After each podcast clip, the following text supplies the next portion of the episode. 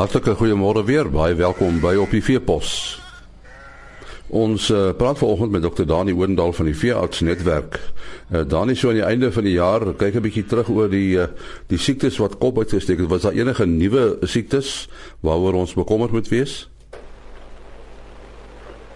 En die ek dink die belangrikste ding vir die jaar was gewees ons enstoftekorte wat ons gehad het vir siektes wat ons uh, baie tipies in Suid-Afrika kry en gewoonlik goed kon beheer met enstowwe.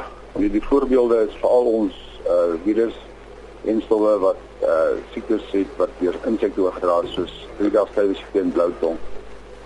En uh wat nog steeds 'n probleem is.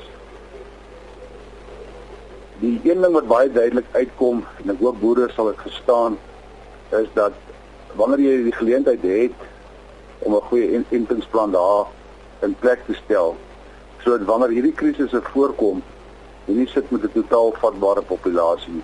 Dit is 'n groot verskil in diere wat voorheen geënt was en effektief ingeënt was en nou skielik het jy nie enstof nie teenoor 'n populasie waar jy nooit geënt het nie. Nou het jy die probleem hier waar skielik begin en en daar's nie enstof nie.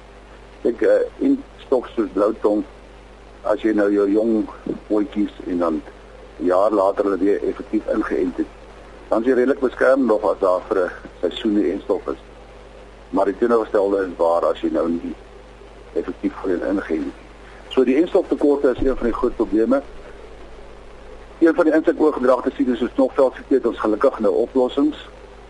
Uh daar is nou privaat maatskappye, daar's twee privaat maatskappye in Suid-Afrika wat ook vervaardig so ek dink hierdie tendens gaan toeneem. Ons gaan meer en meer sien dat uh privaat ander privaat maatskappye gaan hierdie virus installe maak.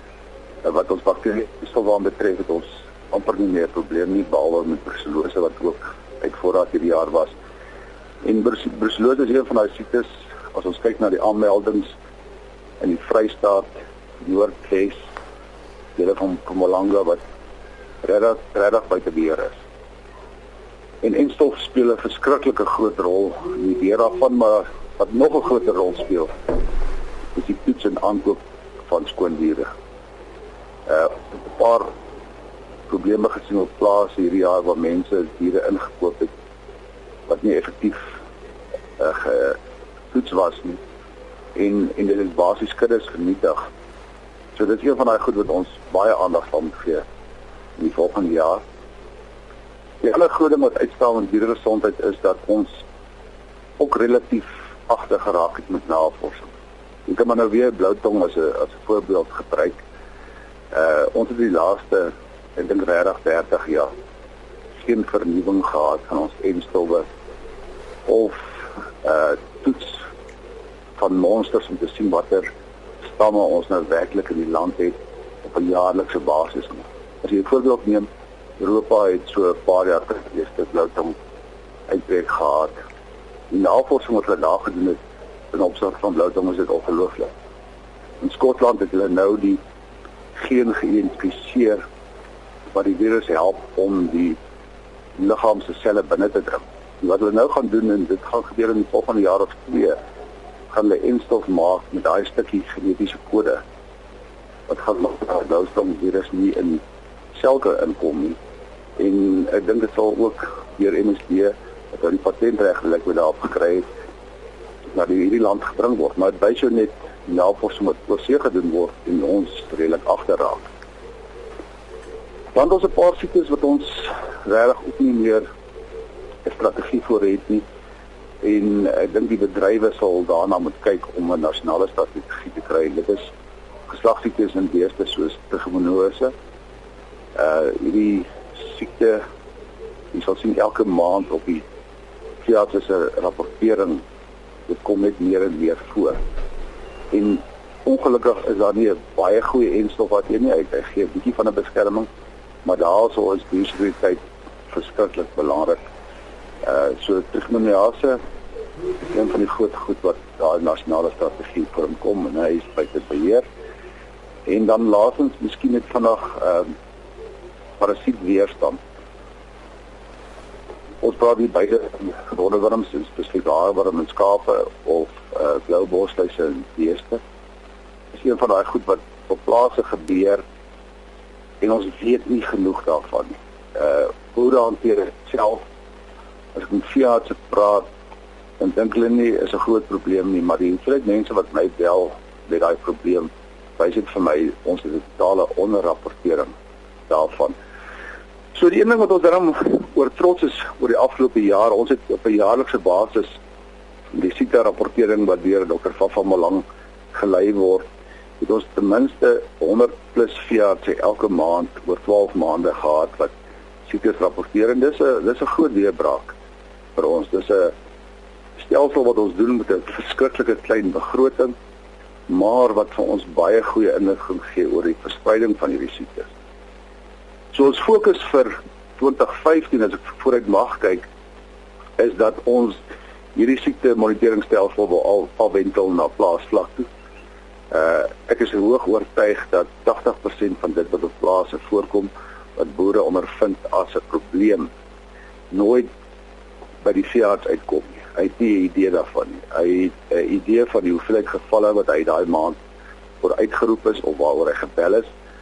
Maar daar kom soveel verskillende probleme voor en met vandag se tegnologie moet ons daai goed uh op rekord kry dat ons 'n oorsig gaan kry van daai siektes. So ons grootste fokus vir 2015 gaan wees is om hierdie siekte rapportering na plaasvlak toe uit te brei en die boere betrokke te kry om daai probleme met die karafias te deel.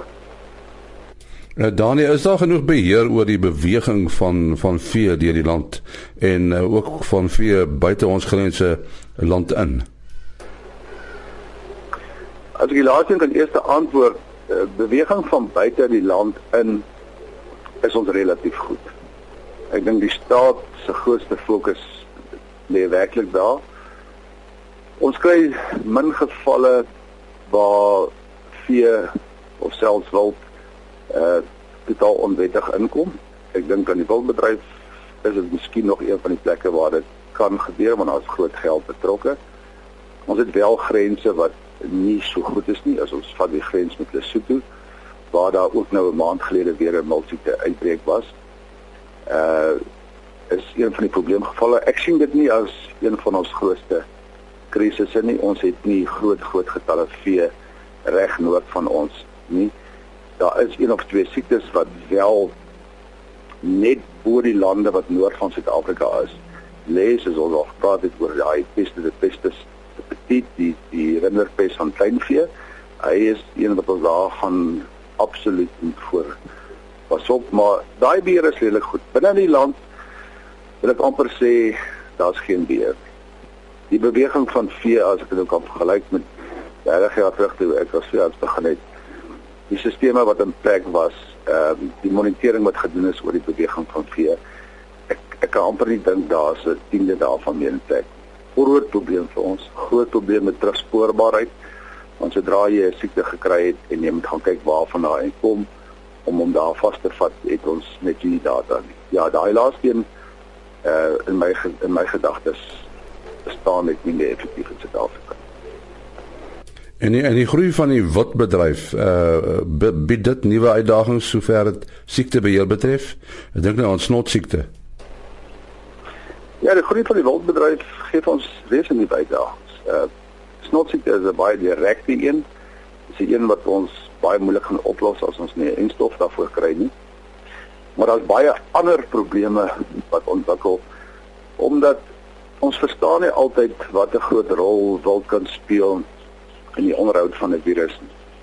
Ehm um, en daar's baie virussiektes wat ons vee aantas wat ook wild infekteer maar wild het 'n natuurlike weerstand of wil so sê hy ontwikkel 'n weerstand sonder dat hy siekte tekens toon.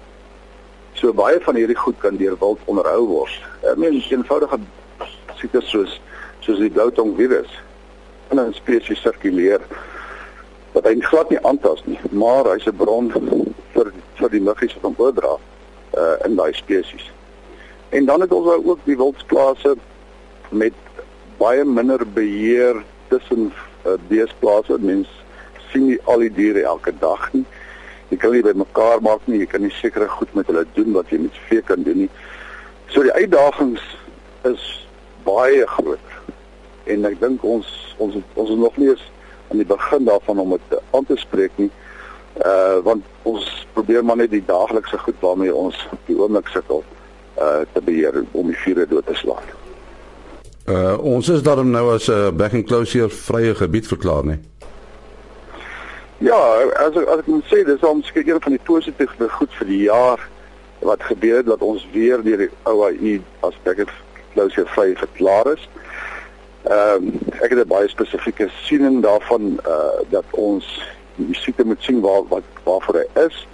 Die back and closure in Suid-Afrika wat ons normaalweg hier het, is ons Suid-Afrikaanse stamme. Hy het 'n uh, buffel as die as die draer nodig en as daar nie buffels is nie, sprei hy nie vinnig en ver nie. Uh teenoor ons die ander back and closure stamme aan oorstam wat uh markdiere kan gebruik as hy draers. So baie keer werk ons dit in my gedagte uit verband uit. Ehm uh, back and closure is is regtig in Suid-Afrika se groot krisis nie. Ons het baie groter krisisse en brucellose is absoluut aan die top van daai lys. Baie dankie Dr. Dani Oudendal. Uh, Dani, jou telefoonnommer? My telefoonnommer is 082 45 40532 maar ek sal verkies dat boere eers hulle plaaslike veearts bel as nie reg kan hulle vir my lei gee. En so praat dokter Dani Oudendal van die veearts netwerk. Môreoggend is ons terug. Tot dan, alles van die beste. 啊。